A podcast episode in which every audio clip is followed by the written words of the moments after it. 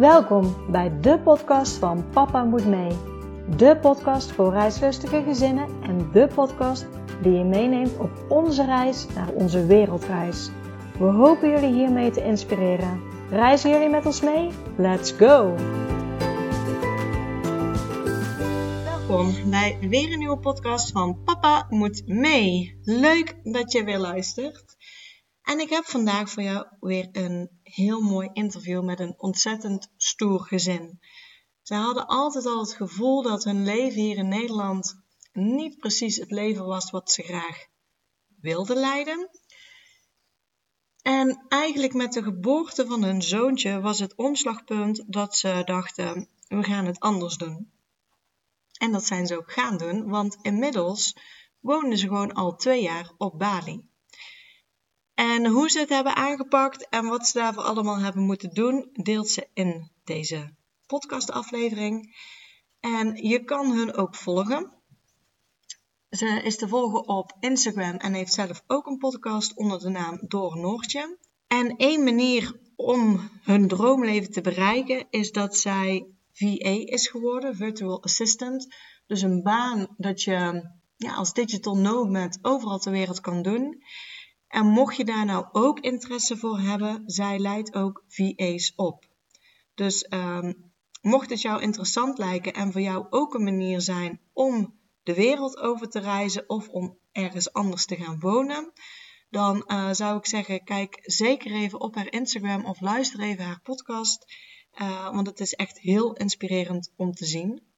En daarnaast ga ik het gewoon nog een keer herhalen. Zou ik het echt heel fijn vinden als jullie deze podcast een beoordeling willen geven op Spotify. Door meer beoordelingen wordt de podcast beter gevonden. En hoe beter die gevonden wordt, hoe meer mensen we kunnen inspireren. En uh, hopelijk gaan daardoor meer mensen die ook het verlangen of de droom hebben om uh, op reis te gaan met hun gezin, dit, dit ook waarmaken. Doordat ze merken dat het vaak makkelijker kan als dat ze denken. Dus ja, je zou mij echt een heel groot plezier doen. En ik denk ook heel veel anderen. Als je de podcast sterren geeft op uh, Spotify. Dus dank je wel alvast daarvoor. En dan zou ik voor nu zeggen: heel veel luisterplezier.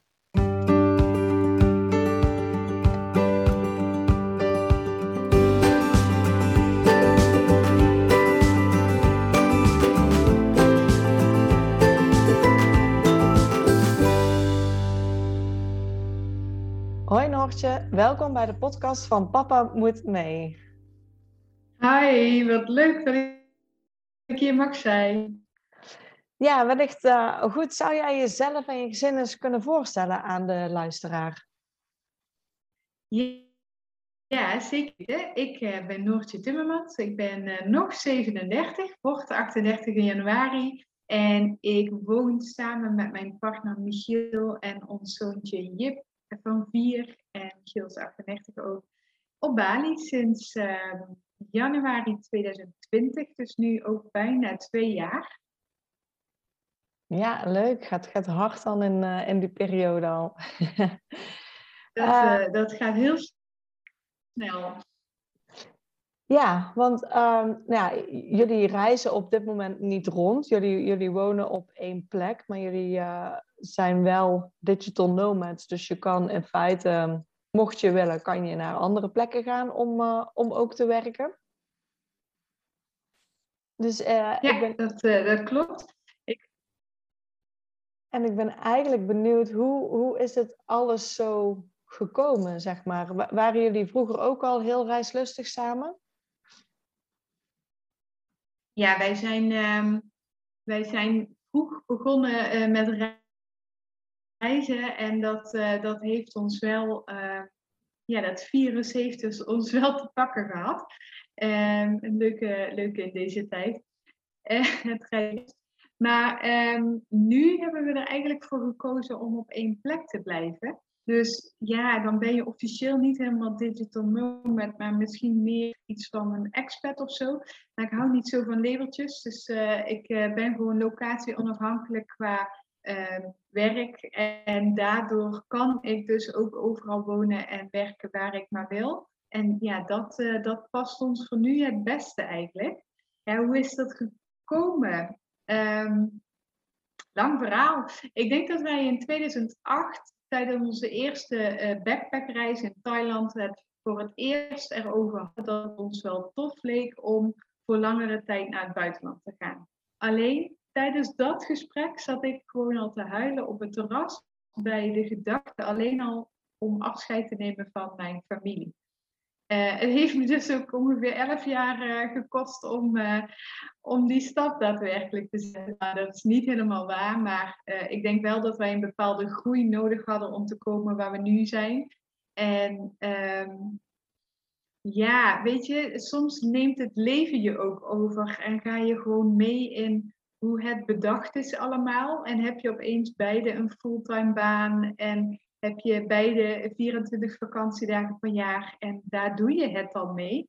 Um, we hebben ooit nog een, een blauwe maandag gekeken om olijven te gaan plukken voor een jaar ergens in Griekenland. Maar dat is er nooit van gekomen. Ik weet eigenlijk niet meer zo goed waarom. Ik denk dat dat een gedeelte ook met angst te maken had. En uiteindelijk hebben wij in 2014, 15 hebben wij een half jaar uh, een wereldreis gemaakt. En daarna, toen wij terugkwamen, toen stapten we echt volledig in ons oude leven. Uh, en dat paste ons helemaal niet of niet meer. Ik weet niet precies uh, wat het is geweest. Maar daar werden we eigenlijk allebei heel erg ongelukkig van. Maar goed, dan kom je op zo'n punt, ja, wat dan? En we zijn toch al midden dertig en we wilden misschien toch wel een gezinnetje beginnen. En ik vond mijn werk niet leuk en ik wist niet wat ik wilde. En uiteindelijk kwam ik ziek thuis met een burn-out. En ja, het was niet echt de tijd om zomaar te vertrekken. Uh, en we hoopten eigenlijk ook een beetje dat het gezinsleven, dat de komst van ons zoontje, ons een bepaalde uh, rust zou geven en acceptatie van het leven zoals het in Nederland is. Mm, ja, dat bleek echt volledig het omgedraaide te zijn. Dus toen mijn zoontje, ons zoontje, uh, vier maanden was, toen hebben we eigenlijk besloten, weet je, als we het nu niet doen, dan doen we het nooit meer. En dan krijgen we daar later spijt van. Dat willen we niet. Uh, we kunnen beter iets geprobeerd hebben en dan ervan terugkomen dan het nooit gedaan en daar op de rest van ons leven spijt van blijven houden. Ja, en dat was eigenlijk toen ons motto. En toen zijn we ons hele leven om gaan gooien om dit voor elkaar te krijgen. En anderhalf jaar, jaar later vertrokken we met een jongetje van twee. En toen gingen we naar Bali. Ja, mooi. Dus ik hoor in ieder geval altijd veel gereisd en die droom om ooit te vertrekken uit Nederland zat er ergens wel al. Maar um, ja, het leven inderdaad kan je gewoon opslokken en dan blijf je gewoon doen, ondanks dat er onderhuids toch nog telkens iets sluimert. Um, zoals ik hoor, komt eigenlijk ook de, de grote zeg maar, omslagpunt bij, bij de geboorte van, van jullie zoon. Toen hij vier maanden was, zeiden jullie, we gaan het gewoon proberen. Wat zijn daarna jullie stappen geweest om, uh, om vervolgens anderhalf jaar later weg te kunnen gaan? En de aller, allerbelangrijkste stap was uh, loskomen van die loondienstbanen. Want wij uh, zijn niet uh, enorm vermogend. Wij huurden destijds, dus we konden ook niet ons eh, huis verkopen en daarvan leven. Wij hebben geen enorme rijke ouders die ons zomaar even uh, geld toestoppen. Dus er moest um, gezorgd worden voor werk wat locatie onafhankelijk gedaan kon worden. Dat was echt prio 1. En daarmee, ik was in die tijd um, in een, zat in een reïntegratietraject. Ik heb altijd in het ziekenhuis gewerkt, eerst als verpleegkundige en later als operatieassistent. Dus dat was natuurlijk super um, ja, uh, op locatie. Dat dat kon niet vanuit huis. Dus ik moest echt een behoorlijke switch maken in mijn uh, ja, carrière, noem het zo maar even, om dat voor elkaar te krijgen. Dus ik ben echt vanaf het moment dat wij besloten, oké, dit is wat we gaan doen, dit is wat we gaan proberen, ben ik op zoek gegaan van wat kan ik doen om locatie onafhankelijk te kunnen werken. En ja, toen kwam op een gegeven moment het eh, VA-schap op mijn pad, Virtual Assistant. En daarin uh, assisteer ik ondernemers met allerlei uh, ja, zaken binnen de onderneming. Dus dat is zowel technisch als websites bouwen, podcast editen, Ehm, online academisch bouwen en, en, alles wat daarbij komt kijken, als ook in strategiegesprekken, social media overname en dat even in het kort. Um, en toen dat op mijn pad kwam, het VA-schap, toen was het alsof alle puzzelstukjes in elkaar vielen. Want daarmee kon ik dus zowel in Nederland als waar dan ook op de wereld mijn droomleven creëren. En dat, uh, ja, dat was echt de weg naar waar we nu zijn.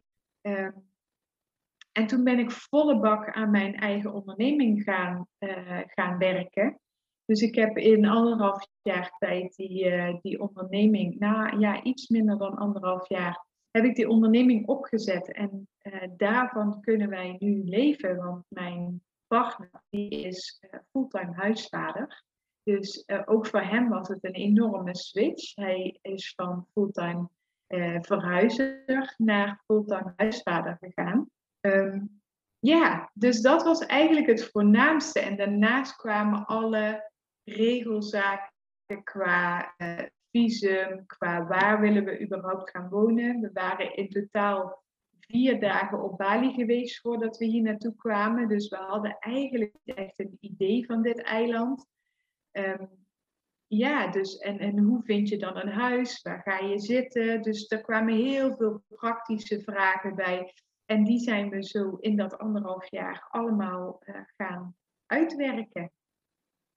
Ja, ja, mooi. Dus, dus het eerste is, uh, ja, heb je eigenlijk gefocust op een baan.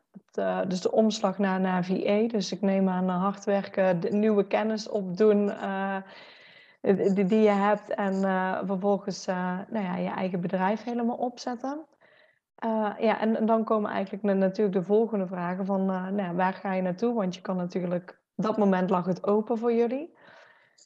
Um, wat heeft ervoor gemaakt dat jullie toch voor Bali hebben gekozen? Want nou, zoals je zei, je bent maar vier dagen daar geweest. Wat trok jullie zo aan Bali? Nou, niet eens zo heel gek veel. het gekke is is dat we dit heel erg uh, praktisch zijn, zijn ingevlogen. We hadden in eerste instantie het idee om naar uh, een van de Canarische eilanden te gaan. En dat kwam vooral voort uit het stukje uh, familiemissen en binnen afzienbare tijd terug kunnen gaan. Totdat ik een gesprek had met een broertje. En um, ook zeer reislustig. Die zit nu op dit moment ook hier bij ons op Bali.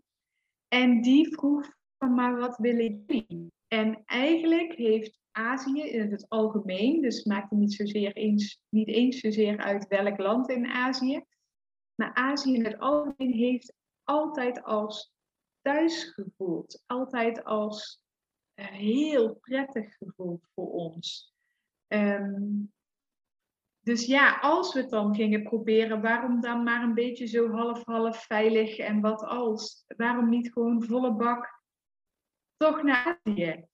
Dus ja, na wat getwijfel en op en neer gesproken, werd het toch Azië. En dan is het opeens van, oké, maar we gaan nu niet backpacken met z'n tweeën. We nemen nu een kindje mee. En we gaan daar niet uh, drie maanden rondreizen. We gaan nu voor langere tijd daar zitten. Ja, en dan komen gewoon andere dingen ter sprake. Weet je, dan wil je ook gewoon um, in een westerse supermarkt je boodschappen kunnen doen als je dat hebt. Dan wil je uh, dat, dat de ziekenhuisvoorzieningen goed zijn. Dan wil je dat er om de hoek uh, een plek is waar je met, met je zoontje naartoe kan midden in de nacht als er iets is. Weet je, dan gaan er opeens andere zaken spelen. En toen kwamen we uit bij Bali dat het een mooie mix is. Vanwege het toerisme wat hier is, is hier ook veel aan westerse voorzieningen. Maar er is ook nog heel veel aan typisch lokaal Azië. En het is denk ik voor ons een hele mooie mix dat we de ene keer op een plastic krukje uh, een, een, maaltijd uit een plastic bakje aan het eten zijn. En dat we de andere keer gewoon lekker in een, in een hip tentje zitten met de voetjes in het zand en uh, allemaal Instagram-waardige foto's kunnen maken. Hè? Even uh, voor het beeld. Maar ja, die mix heeft Bali. En met, met dat idee zijn wij, uh, ja, zijn we naar Bali gekomen. Ja, mooi. En ik denk ook heel herkenbaar wat je zegt, dat je iets wil en uh, dan toch maar het, eigenlijk je eigen droom nog klein houdt om voor iets veiligs te kiezen. En mooi dat jouw broer dan uh, eigenlijk de doorslag heeft gegeven om gewoon vol voor jullie droom te gaan. Um, nou ja, jullie regelden werk, ja. jullie um, wisten toen waar naartoe te gaan, maar dan komen inderdaad nog de praktische zaken. Hoe zijn jullie daar uh, een plek gaan zoeken om, uh, om, om te verblijven? Um, nou, vanuit Nederland hebben wij best veel, veel mensen gesproken die uh, of hier woonden of hier hebben gewoond.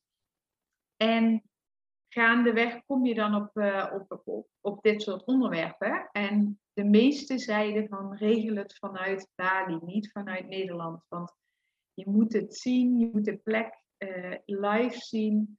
je moet kunnen onderhandelen ter plekke. Je moet dat niet vanuit Nederland doen, want het ziet er vaak op de foto's anders uit dan in real life. En je betaalt de hoofdprijs terwijl je hier uh, voor de helft of zoiets kunt, kunt zitten. En dat heeft ons doen besluiten om dat hele huis zoeken vanuit Bali zelf te doen. En toen spraken we iemand die hier heeft gewoond op Bali, twee jaar lang, ook met kindjes. En zij hadden de eerste maand hun ouders meegenomen om dan ter plekke te kunnen zoeken naar een huis. En toen we dat hoorden, toen dachten we, dat is voor ons ook echt heel handig. Want ons zoontje was twee toen we vertrokken. Uh, die sliep nog overdag. Daarmee wil je niet een hele dag op huizenjacht. En um, ja, dat konden we niet overzien, zeg maar, destijds.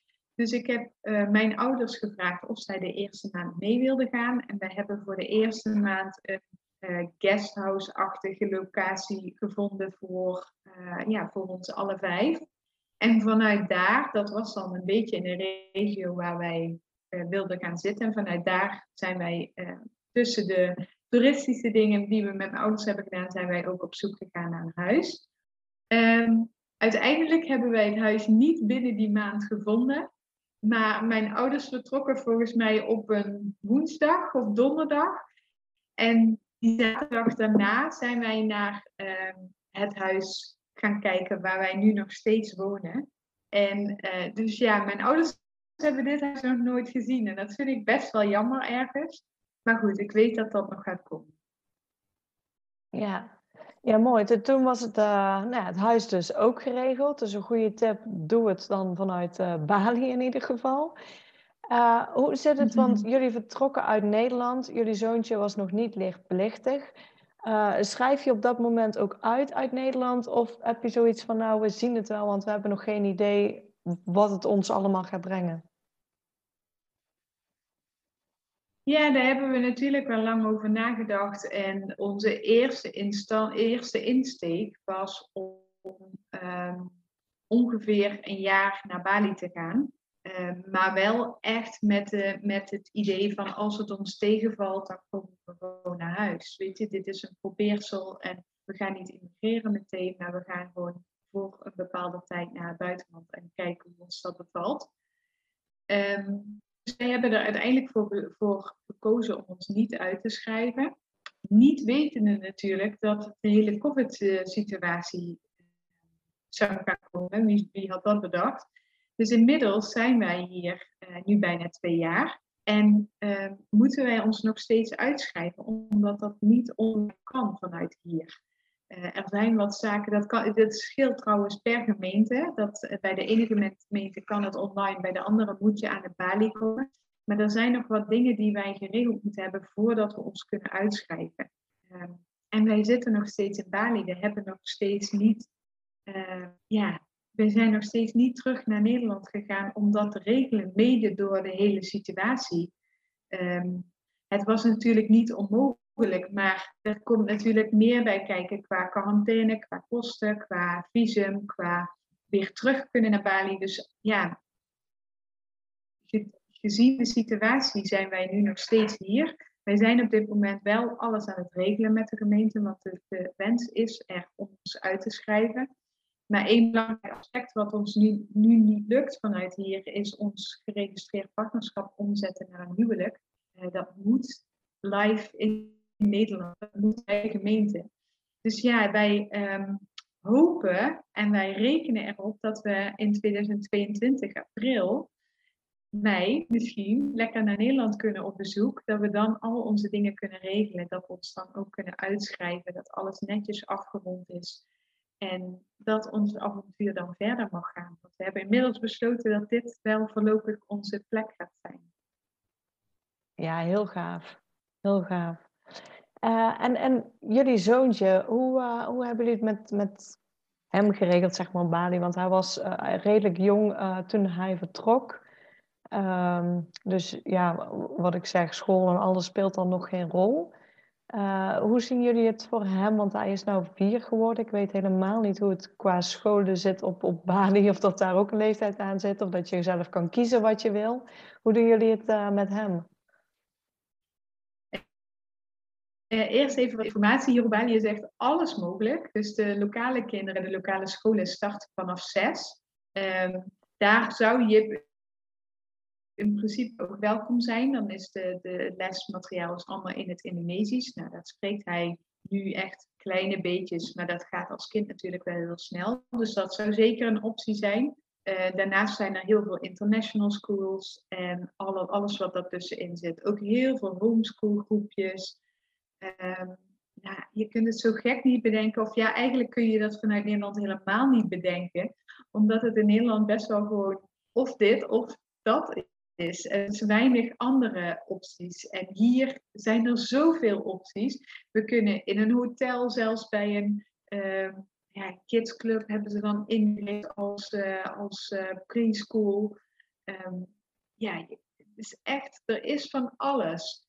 Wij hebben voor nu besloten dat we uh, lekker thuis houden. Hij is nu inderdaad net vier geworden. Michiel is uh, fulltime huisvader.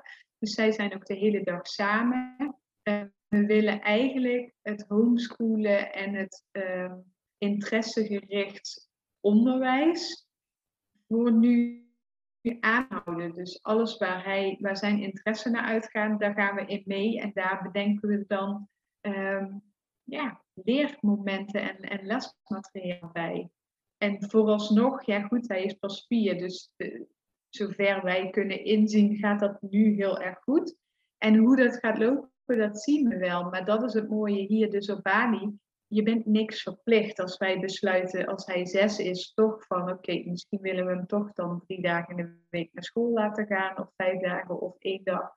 Dan is daar overal een oplossing voor. En ja, dat vind ik vooral heel erg fijn. Dat vond ik in Nederland ook heel erg moeilijk. Dat ik, ik denk dat dat ook een beetje de druppel is geweest in, ons, in onze droom maken. Dat je eigenlijk een beetje al vastzit op het moment dat je een gezin wil beginnen. Dat je al bijna als je zwanger bent, je kind al moet inschrijven voor een opvang. En dat je dan ook al weet van als ze twee zijn, moet je al naar een basisschool gaan kijken. En vervolgens zit je vast aan de schoolvakanties. Dat, dat mij zo ontzettend. Dat ons leven daardoor, uh, dat die vrijheid eigenlijk gewoon beperkt werd. Ik denk dat dat wel echt een van de belangrijkste oorzaken is geweest om uh, het roer om te gooien. En het zou jammer zijn als we dan hier in hetzelfde leven stappen. Dus dat doen we ook heel bewust niet. Ja, mooi op, op, op zoek naar, naar ja, wat gewoon bij jullie past en wat jullie fijn vinden. En ook mooi dat Bali die flexibiliteit geeft. Dat je eigenlijk alles kan kiezen wat je maar wil daarin. Ja. Hoe, uh, hoe zit het bij jullie met, met verzekeringen? Doen jullie dat nog via, via Nederland of kan je in Bali daar uh, ook zaken voor regelen? Wij um, doen dat nu nog via Nederland. Wij, wij zijn beide militair geweest, lang, lang geleden. En vanuit, uh, vanuit de landmacht hebben wij allerlei verzekeringen uh, lopen. Omdat die zo gericht zijn op, uh, op het buitenland en uitzendingen en dat soort dingen en reisverzekering, uh, was dat heel voordelig voor ons. Dus die hebben we aangehouden. Maar goed, we naderen nu de twee jaar en dan houden die verzekeringen ook op. Dus wij zitten nu net in zo'n omslagpunt van oké, hoe gaan we het inrichten? Um, de zorgverzekering loopt ook nog via Nederland, omdat we dus ook nog ingeschreven staan in Nederland.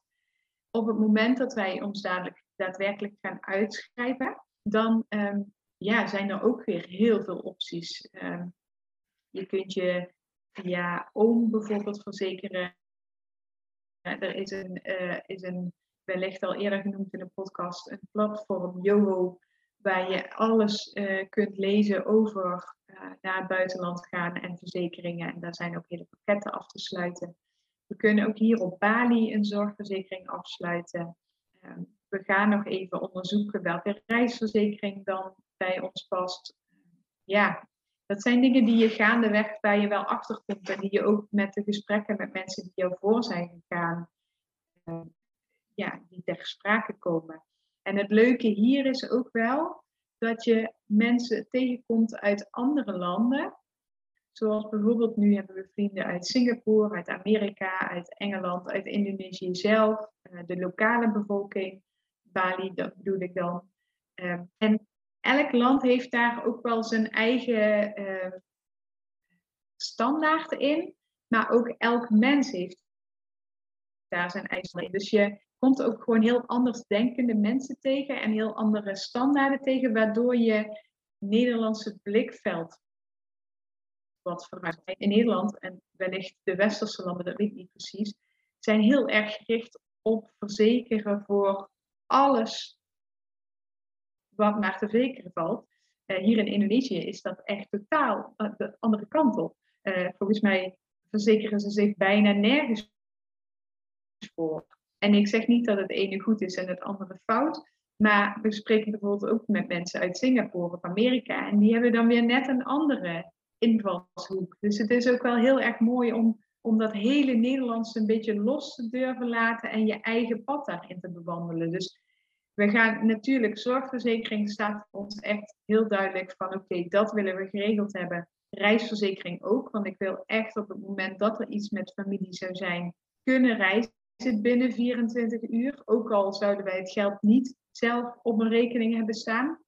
Dat zijn voor mij echt de belangrijkste dingen. Maar een inboedelverzekering of een, eh, nou, aansprakelijkheidsverzekering of dat soort dingen. Ja, daar gaan we echt nog wel eens even naar kijken of we dat in dit nieuwe leven nog steeds willen aanhouden. Ja, mooi. Ook, ook hier hoor ik eigenlijk alles is mogelijk. Er zijn uh, ook al ben je niet meer ingeschreven of waar je dan ook woont, er zijn altijd mogelijkheden. En uh, ja, dat je die ook gewoon heel goed kan onderzoeken om uh, gewoon iets te creëren wat gewoon bij je eigen situatie past en hoe je op dat moment er gewoon in staat. Um, waar moeten we aan denken bij Bali um, als je daar gaat, gaat leven? Wat, wat kost een leven op Bali? Um, nou, het grappige is dat ik daar vorig jaar een podcast over heb opgenomen. Dat was wel midden in de COVID-tijd. Dus uh, toen zaten we ook in een, uh, in een lockdown. Dus dan is het eigenlijk allemaal net iets goedkoper. Maar even, even grof. Ik wij kunnen rondkomen als gezin van drie tussen de 1600 en de 2000 euro per maand. En daar zit echt alles in. Dus daar zit ons visum in, daar zit uh, het, het, wonen in, boodschappen, uh, maar ook de, de weekendjes weg die we doen. Um, alle vaste lasten die je maar kan bedenken. En ook nog de vaste lasten die in Nederland doorlopen. Dus ja, met een, met een budget van, nou laten we het gemiddeld even 1800 euro per maand, kunnen wij doen wat we willen doen. Ons droomleven leven. Ja, ik denk dat het uh, voor heel veel mensen heel goed klinkt. uh, en, uh... Nou ja, dat is ook wat ik in die, in die podcast heb verteld. Van, soms lijkt het zo ontzettend onhaalbaar en niet, niet realiseerbaar. En ja, alleen maar weggelegd voor de mensen met of rijke ouders of die een huis verkopen en vervolgens daarvan kunnen maar ja, het is gewoon echt te doen. Wij hadden niks van dat alles. En we zijn eigenlijk vanaf, ja, een soort van nul begonnen met dit leven op te bouwen. En twee jaar later zijn we er nog steeds. En we hebben echt niet heel veel, nou we, we zijn met hetzelfde bedrag hier nog steeds dan dat we waar we mee binnenkwamen.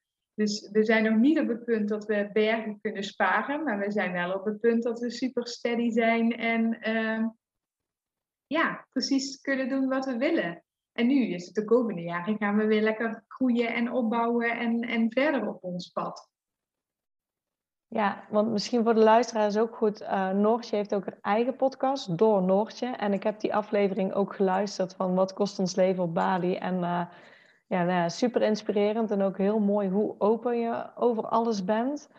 Uh, dus ik denk dat dat ook zeker een aanrader is om te luisteren naast ook alle andere afleveringen die, die ze ook heeft. En daarin ook... Ja, ja, zijn er nog wel. Ja, zijn er veel. En ook daarin, toen ik die luisterde, was inderdaad dat ik ook zelf dacht inderdaad van... Ja, maar dit is gewoon veel eerder haalbaar als, als dat mensen denken. En vaak wordt over uh, gedacht dat dingen of heel duur zijn of... Ja, er wordt altijd in moeilijkheden gedacht in plaats van als je dit hoort, denk ik dat het voor heel veel mensen de ogen opent van wacht eens, dit kan ik veel sneller doen als, als dat ik dacht.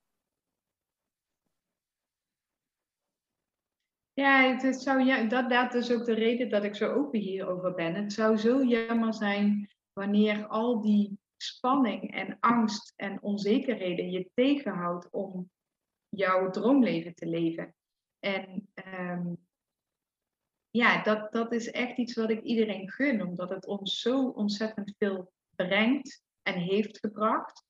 Ja, dat, dat, dat wens ik voor iedereen. En als jij inderdaad um, uh, een bepaald inkomen per maand kan genereren. Of dat nou passief is middels uh, vastgoed of crypto of weet ik veel. Of door middel van een remote uh, locatie-onafhankelijke job. Ja, dan, dan, dan ben je er eigenlijk al. Dan is het de vraag, dat, dat, die vraag stel ik ook.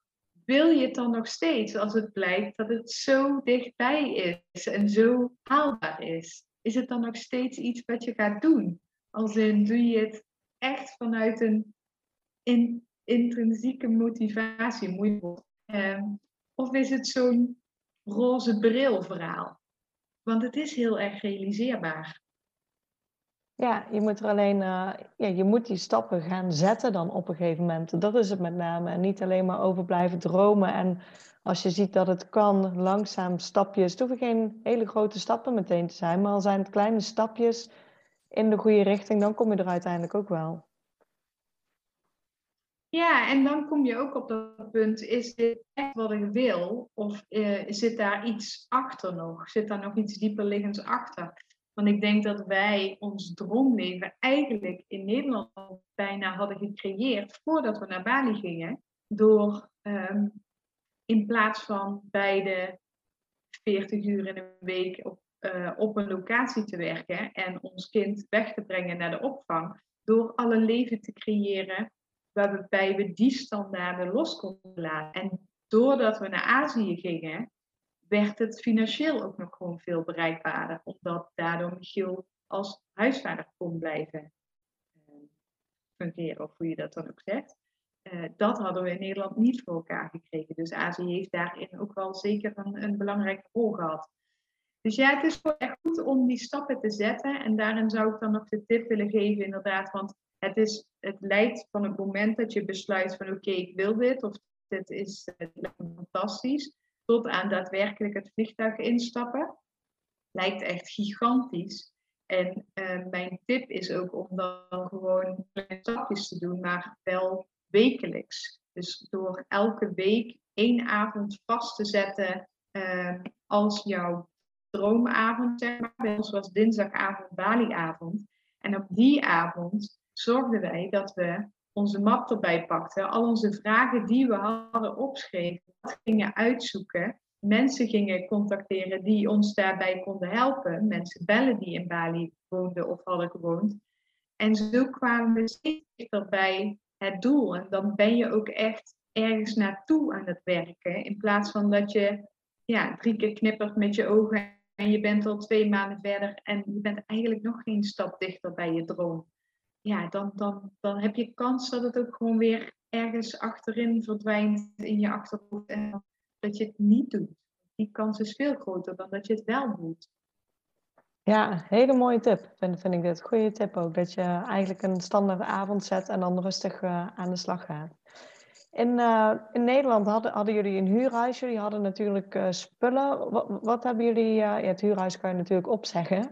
Maar hoe, hoe zit het met alle spullen? Hebben jullie veel meegenomen naar Bali? Veel achtergelaten? Veel weggedaan? we hebben heel veel weggedaan. We zijn vrij rigoureus aan de slag gegaan, ondanks dat het maar in principe tijdelijk was toen we vertrokken. Um, het voelde echt als het oude leven achterlaten en op weg naar een nieuw leven. Dus of we nou zes maanden later terug waren gekomen naar Nederland, dan was het evengoed een nieuw hoofdstuk geweest. Dus wij, wij wilden ons letterlijk ontdoen van al het oude. Um, ook iets typisch Nederlands is om alles maar te bewaren voor stel dat. Ja, of dat Nederlands is of Westers, dat weet ik niet, maar je snapt wat ik bedoel. Dus we hadden echt een hele zolder vol met spullen. We, hadden, we zijn vaak verhuisd en er zijn dozen mee verhuisd die gewoon al acht jaar niet open waren geweest. En toch gingen we die elke keer weer mee verhuizen. Meer uit luiigheid denk ik dan uit wat anders. Maar onze zolder stond vol met spullen die we amper gebruikten. Ja, daar wilden we echt allemaal van af. Dus we hebben heel veel opgeruimd, heel veel naar de kringloop gedaan, heel veel verkocht. We hadden een camper, die hebben we met enigszins pijn in ons hart verkocht. Maar die, was sowieso te klein aan het worden voor ons drieën. Dus die had anders ook een ander plekje gekregen. Uh, onze auto hebben we verkocht. Eigenlijk zijn we maar met drie tassen naar Bali vertrokken. Drie van die sporttassen, die duffelbags. Uh, ook trouwens echt een tip als je ehm, langere tijd ergens naartoe gaat. Kun je super makkelijk ergens achter in de kast of onder een bed proppen. En anders heb je drie van die huge koffers die je niet kunt opbergen in je kamer staan. Dat, ja, de side note. Uh, dus ja, we hebben drie, drie duffelbags meegenomen. Ehm, en that's it. Bij mijn ouders staan denk ik een, ehm, een doos of tien met nou ja, fotoherinneringen, reisherinneringen en wat belangrijke dingen. Uh, een bureautje wat ik van mijn oom heb gekregen en een stoel van Michiels opa. Ja, dat is het denk, denk ik eigenlijk. De rest is allemaal weg.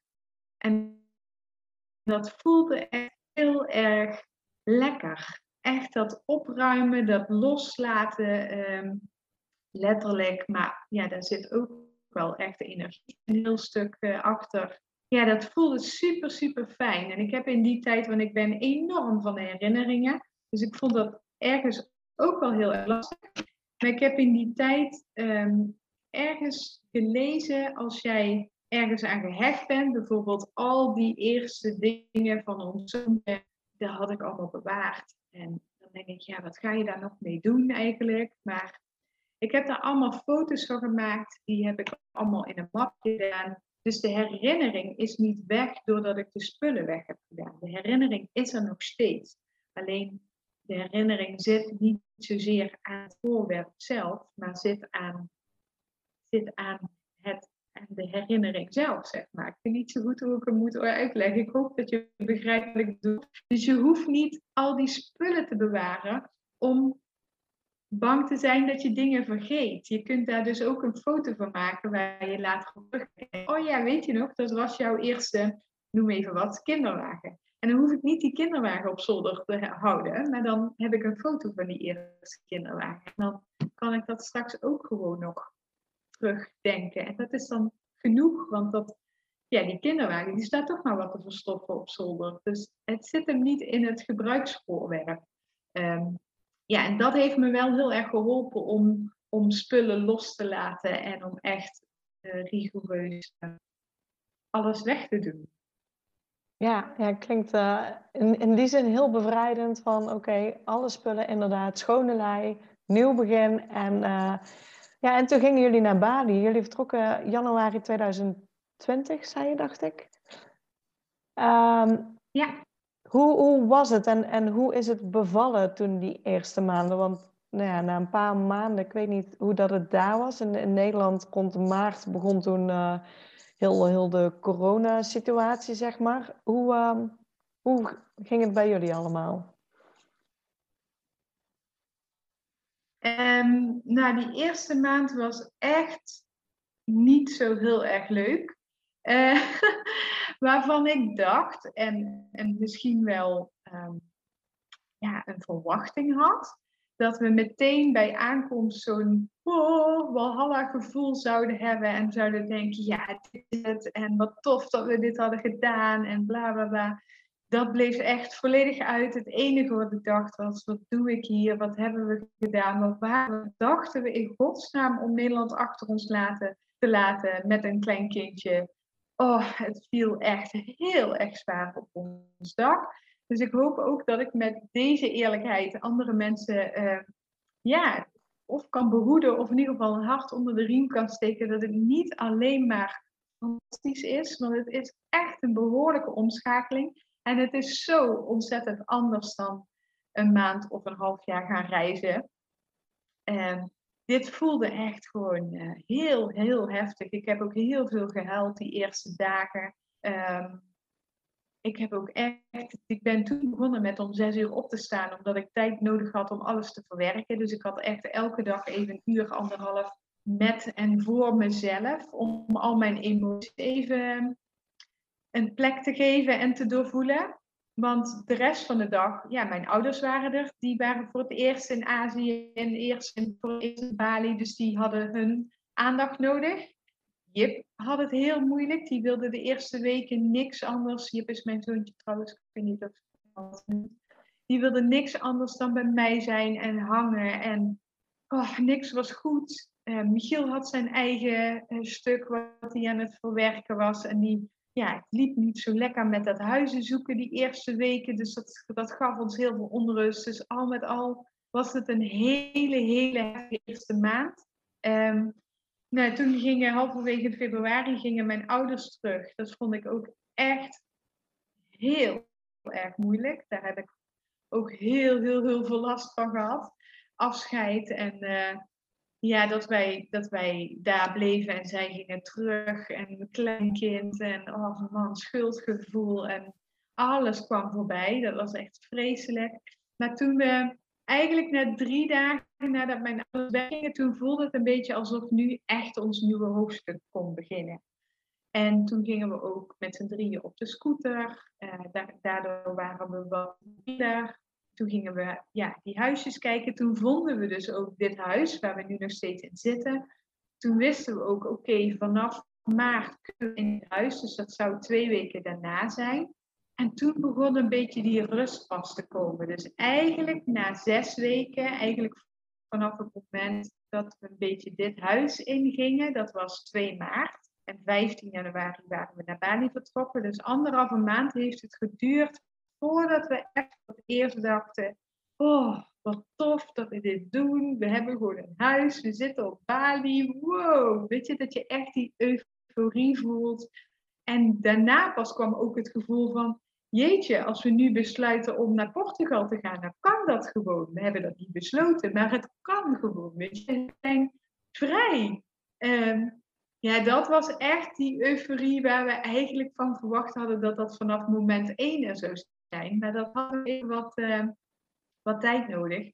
Ja, en toen zaten we dus inderdaad 2 maart. Nederland was al langzaam uh, in paniek en daardoor wij dus ook. Um, maar hier was het nog rustig qua getallen, qua lockdown en dat soort dingen. En ja, dat naarmate maart vorderde, kwam dat hier ook. En toen waren er ook de berichten van alle Nederlanders moeten terug naar Nederland. Ook al ben je al lang in het buitenland, ook al woon je daar voor onbepaalde tijd, de oproep was er, kom terug naar Nederland. Ook voor expats, ook voor mensen die huis en haard hadden achtergelaten. Er was zelfs een officiële brief van de, van de regering die via Facebookgroepen rondging. Ja, dat was, wel, dat was wel echt ook een hele moeilijke periode. Wat doe je dan? Je bent net vertrokken. Je hebt net een plekje gevonden je hebt alles opgezegd en, en verkocht. En dan komt dit opeens. Wow, dat, uh, dat deed uh, hemel en aarde wel even bewegen. Daar hebben we ook wel echt last van gehad. Uh, ik kan daar nu heel luchtig over doen, maar dat was het zeker niet. We waren bang. we wisten nog niet waar de ziekenhuizen waren. We wisten niet hoe het hier werkt in dit land. Ik heb die eerste nachten dat we in dit huis sliepen echt gedacht dat, we, dat er mensen zouden inbreken en dat ze bij ons kwamen omdat wij westers zijn en wij dus geld hebben, terwijl we dat helemaal niet hebben. Maar ja, in hun ogen wel. Oh man, het was echt een hele angstige periode. En we wilden, diep van binnen wilden we niet terug naar Nederland. Dat voelden we. Maar we voelden ook angst en onzekerheid. En wat ik in die periode heb gedaan, is heel veel mensen gesproken die hier op Bali al langer woonden. Gewoon ter geruststelling en ook gewoon vragen van En elke keer als iemand besloot om terug naar Nederland te gaan, dan werd ik daar weer onzeker van. Ehm, ik weet ook, omdat ik dus voor Nederlandse klanten had ook heel direct al het nieuws in de gaten. Ik weet ook dat ik echt ergens in maart besloot, op een of andere dag, op, op van de ene of andere uh, onze poetsvrouw mag niet meer komen, want ik weet niet met wie zij praat en met wie zij omgaat. En dan komt zij bij ons in huis en dan kan ze ons aansteken. Dus ik echt vanuit het niets naar Michiel toe, die rustig zat te spelen in de woonkamer, van uh, ja, we gaan zeggen tegen haar dat ze niet meer hoeft te komen, want ik wil echt niemand in huis hebben. Uh, en hij dacht echt, wat, waar heb jij het over?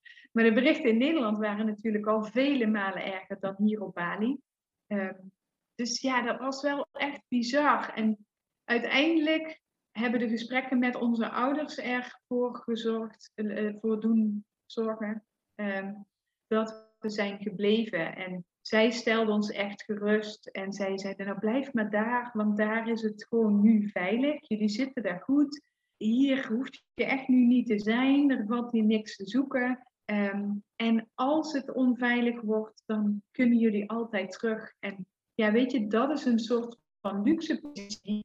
Als jij als buitenlander ergens bent, kun je altijd terug naar je thuisbasis. Zeker in onze fase, dat we net pas weg waren. De mensen hier, dit is hun thuisbasis. Dus zij moeten het ook gewoon doen met wat hier uh, ter beschikking is. En dan krijg je allemaal die hoorverhalen van uh, je wil niet op Bali zijn als en uh, de ziekenhuizen puilen uit en dadelijk komt er geen eten meer en de, de supermarkten gaan sluiten en alles moet via het water. Dus we zijn dadelijk helemaal geïsoleerd. Ja, daar is echt niks van uitgekomen. Weet je, we voelen hier ons hartstikke veilig. We hebben eigenlijk nergens last van. De casussen zijn op dit moment echt uh, super laag. Volgens mij staan ze vandaag op 50 of zo. Ik hou het eigenlijk helemaal niet bij. Toevallig zag ik vanochtend een Facebook bericht voorbij komen. We hebben nooit het idee gehad dat het onveilig was. Uh, ja, weet je, achteraf gezien hadden we ons helemaal niet zo'n zorgen hoeven te maken. Maar in de fase waar wij, in zaten toen dit hele wereldsituatie gebeurde, was het natuurlijk heel erg logisch dat we ons zorgen maakten. Maar ergens diep van binnen in ons hart voelden we dat we hier moesten blijven en dat we hier moesten zijn. Uh, ja, dan hebben we ondanks alle angsten en onrust toch naar geluisterd. En daar ben ik heel erg dankbaar voor achteraf. Ik weet nog dat er een opmerking was van iemand die hier op Bali was uh, en terugging met haar kinderen. En die had ergens op social media gezet van uh, ja, en je bent niet alleen verantwoordelijk voor jezelf, maar ook voor je kinderen. Dus het zou echt zijn als je nu besluit om op Bali te blijven want als hier de pleuris uitbreekt, dan moet je hier niet zijn. En dat voelde zo als een directe aanval, omdat wij daardoor eigenlijk bestempelden ze ons als onverantwoordelijk door dit te zeggen. En wij met kind wel te blijven. Het was heel lastig om daarheen te worstelen. Maar uiteindelijk dacht ik, ja, maar hier wonen gewoon mensen. En die groeien ook op en die hebben ook huistuin- en keukenongelukjes. En die, weet je, natuurlijk wisten we toen nog niet hoe de hele situatie zou, zou uitpakken. Maar het voelde ook een beetje als sommige mensen uh, zich ja, enigszins superieur voelen aan Indonesië. In ons geval dan, Indonesië. Dat, dat het in de westerse landen allemaal zo ontzettend goed geregeld is en dat het bij voorbaat in de andere landen niet goed geregeld zouden zijn zou zijn. Maar hier doen ze ook al gewoon jaren en jaren hun ja, samenleving runnen. En, en hier gaan ook mensen naar school en naar het ziekenhuis en worden mensen geopereerd. En zijn de standaarden misschien iets anders dan wij gewend zijn, maar niet daardoor slecht. En hier zijn ze logistiek misschien wel veel beter, omdat het allemaal eilanden zijn in plaats van één klein land waar alles binnen drie uur te bereiken is. Dus het heeft me ook gigantisch veel inzichten gegeven over zowel onze Nederlandse visie op landen, als mijn eigen groei daarin, als in echt alles wat je maar kunt bedenken. Dus die hele COVID-periode heeft ons echt veel geleerd. En, en wanneer kwam bij jullie dan de rust weer terug? Want het, uh, nou ja, vooral uh, in het begin, je was er net, uh, er zat angst, onzekerheid. Niemand wist natuurlijk hoe dat het precies verder ging met, met die corona. Nee, is nou nog steeds natuurlijk onzeker. Maar ehm, wanneer kwam weer die, die rust bij, bij jullie terug van... hé, hey, wij hebben gewoon de goede beslissing gemaakt? Um, ik denk dat dat zo twee, drie maanden nadat uh, alles startte. Dus hier begon de lockdown uh, begin april. Um, en ik denk dat ik ongeveer tot eind mei, juni nodig heb gehad om in te zien dat het veilig was hier. En dat we de goede keuze hadden gemaakt. En dat ik ook gewoon naar de supermarkt durfde zonder dat ik dacht dat iedereen ons aankeek omdat wij de westerling waren. Um, dat zat echt in mijn hoofd trouwens hoor. Uh, hier op Bali tenminste. Op andere eilanden en op andere wereldstukken is dat wel geweest. Maar hier heb ik dat nooit ervaren, maar behalve in mijn eigen hoofd. Maar vooral toen die eerste lockdown een beetje eraf ging en we merkten dat het, op zich uh, allemaal wel meeviel ten opzichte van Europa. En dat we ons ook weer een beetje over het eiland konden bewegen. Ja, toen viel echt uh, een hele grote last van ons af. En toen wisten we zeker van, het is oké okay hier. We hoeven niet, uh, niet vanwege deze situatie terug in ieder geval. Ja, en hoe is het uh, nu op Bali? Ja, voor ons heel fijn. Uh, Bali leeft van toerisme normaal gesproken. Iets van 70, 80 procent. En dat werkt natuurlijk in alles door. Dus ook in de bedrijven, in de houtsnijwerken. Weet je, alles draait om dat toerisme. Dus hier is natuurlijk wel een enorme impact um, voor de bevolking. Maar het voelt nog steeds heel erg fijn. En, en uh, het is alsof de Balinese bevolking wat meer berustend is met de hele situatie dan, dan in westerse landen. Ik weet niet of ik het zo kan zetten, maar het voelt alsof zij zich wat sneller neerleggen bij een bepaalde situatie en dealen met wat op dit moment is en er het beste van maken. En dat wil niet zeggen dat ze het niet heel zwaar hebben. Dat er veel meer armoede is dan dat er was. Dat was er altijd al, maar dat was niet zozeer zichtbaar. Nu is het veel zichtbaarder. Um, maar aan de andere kant ontstaan er ook weer hele mooie initiatieven en projecten. En zien we ook wel echt mensen super creatief zijn met wat voor andere bedrijven dan kunnen opstarten. En we zien communities echt vanuit de gemeenschappen, zeg maar, die elkaar helpen. Ik denk dat de moeilijkste groepen hier, uh, die, die het moeilijkste hebben, vooral ook de mensen van de andere eilanden zijn die geen steun krijgen van een gemeenschap. En de, de, de dorpen waar altijd al heel veel armoede heerste, ja, daar zal het niet beter zijn geworden de afgelopen twee jaar. En we moeten niet vergeten, Bali heeft natuurlijk al een paar keer eerder, uh, weliswaar op een veel kleiner niveau, maar wel met een, een soort van stop gehad na de, de, de bomaanslag en een uitbarsting van de, van de vulkaan. Stond ook het toerisme stil. Veel korter. Uh, maar ja, daardoor is het wel alsof ze gewoon heel flexibel ook kunnen zijn. En dan is het ook nog eens heel erg lastig om dat vanuit mijn visie te benoemen, omdat ik natuurlijk niet alles zie wat er speelt. We hebben Balinese buren, we hebben Balinese vrienden. Ehm, we wonen in een heel lokaal Balinese dorp, dus we krijgen echt wel het een en ander mee. Maar we wonen wel in een redelijk rijk dorp. En ehm, de meeste mensen om ons heen hebben wel nog iets van een baan.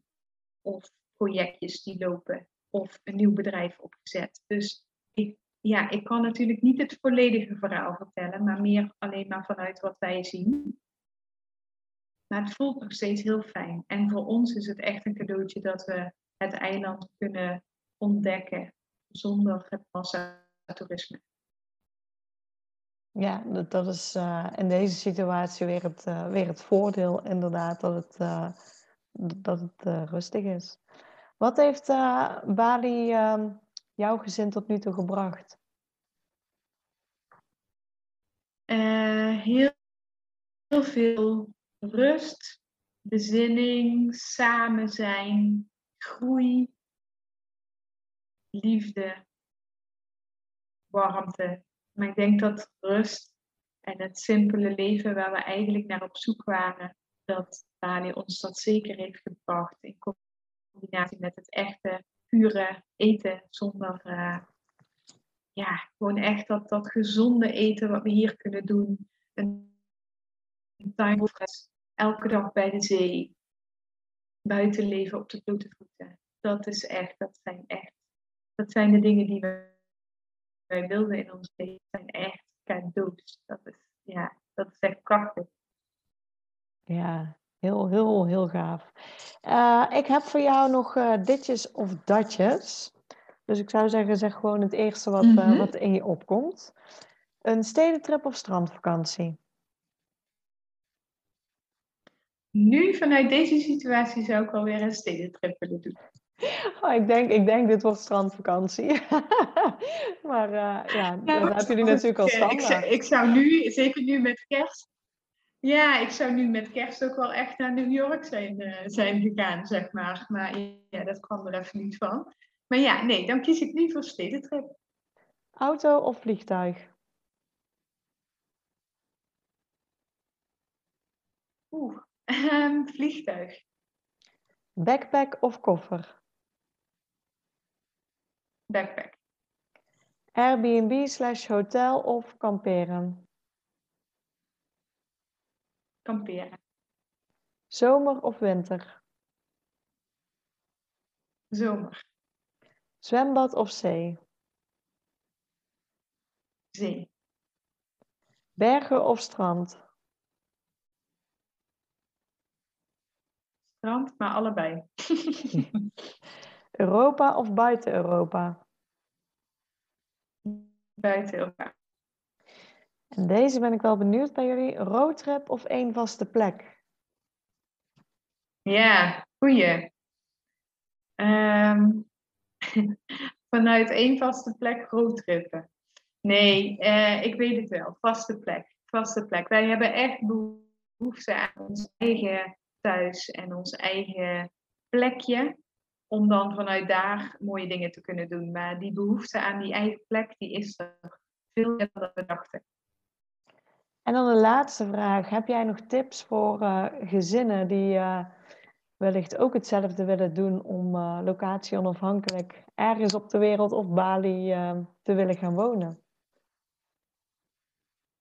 Ja, nou ja, eigenlijk een beetje wat ik al gezegd heb. Het, het, het, de, de basis zit hem in jouw maandelijkse inkomsten. Dus op het moment dat je dat gecoverd hebt, of dat nou met een uh, lokaal onafhankelijke job is, of met uh, passief inkomen vanuit uh, vastgoed of crypto of wat dan ook. Zorg dat dat, dat is gewoon heel prettig. Daarop kun je gaan bouwen. En vanuit daar ga je gewoon kijken, wat wil je? Wat wil je voor je gezin? Hoe wil je het inrichten? Ik zie heel veel mensen, en dat is denk ik wel een goede om nog even bij stil te staan zelf. Ik zie heel veel mensen hetzelfde leven leiden hier op Bali, dan dat ze waar dan ook ter wereld hadden.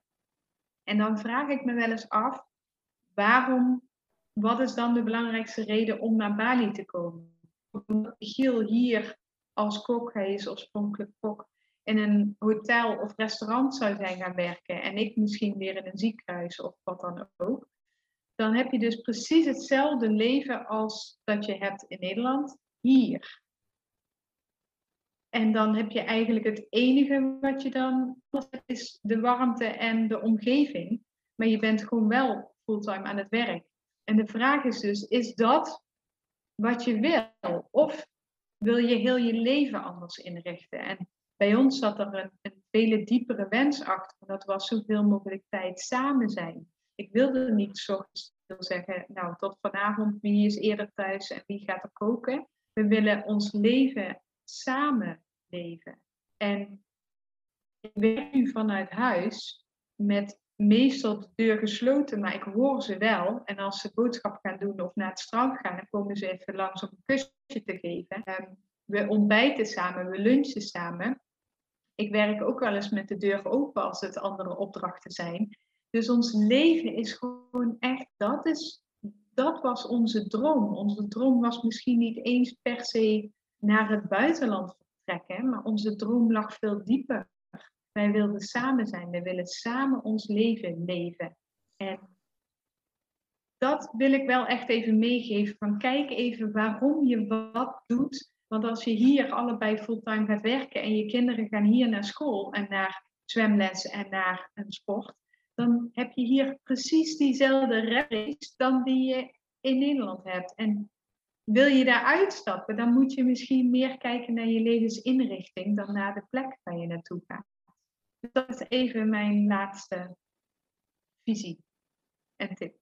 Ja, ik denk een hele waardevolle. Ga echt op zoek naar de waarom. Wat is er wat je wil? En ga daar dan kijken van hoe, ja, hoe kan ik dat dan inrichten dat we echt komen bij de kern. Ja, die kern is echt belangrijk, want anders ga je hier precies weer tegenkomen uh, en dan loop je tegen dezelfde dingen aan. Ja. Waar kunnen mensen jou, uh, jou volgen? We hebben net al over jouw podcast gehad, maar je bent ook op uh, Instagram. waar kunnen mensen jou, jou volgen?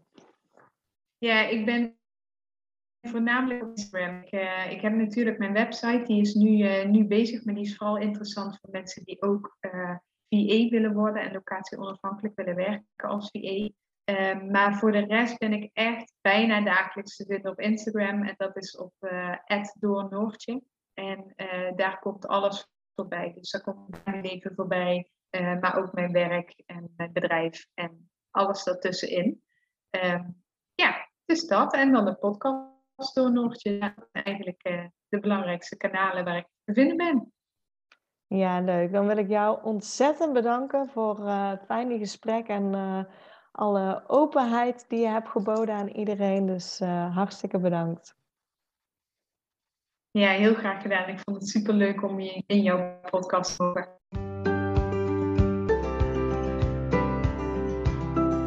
Super bedankt voor het luisteren naar deze podcast. Ik zou het heel leuk vinden als je ons volgt op Instagram. Papa moet mee. Deel deze vooral in je stories als je hebt geluisterd en tag ons en laat ons weten wat je ervan vond. Tot de volgende keer.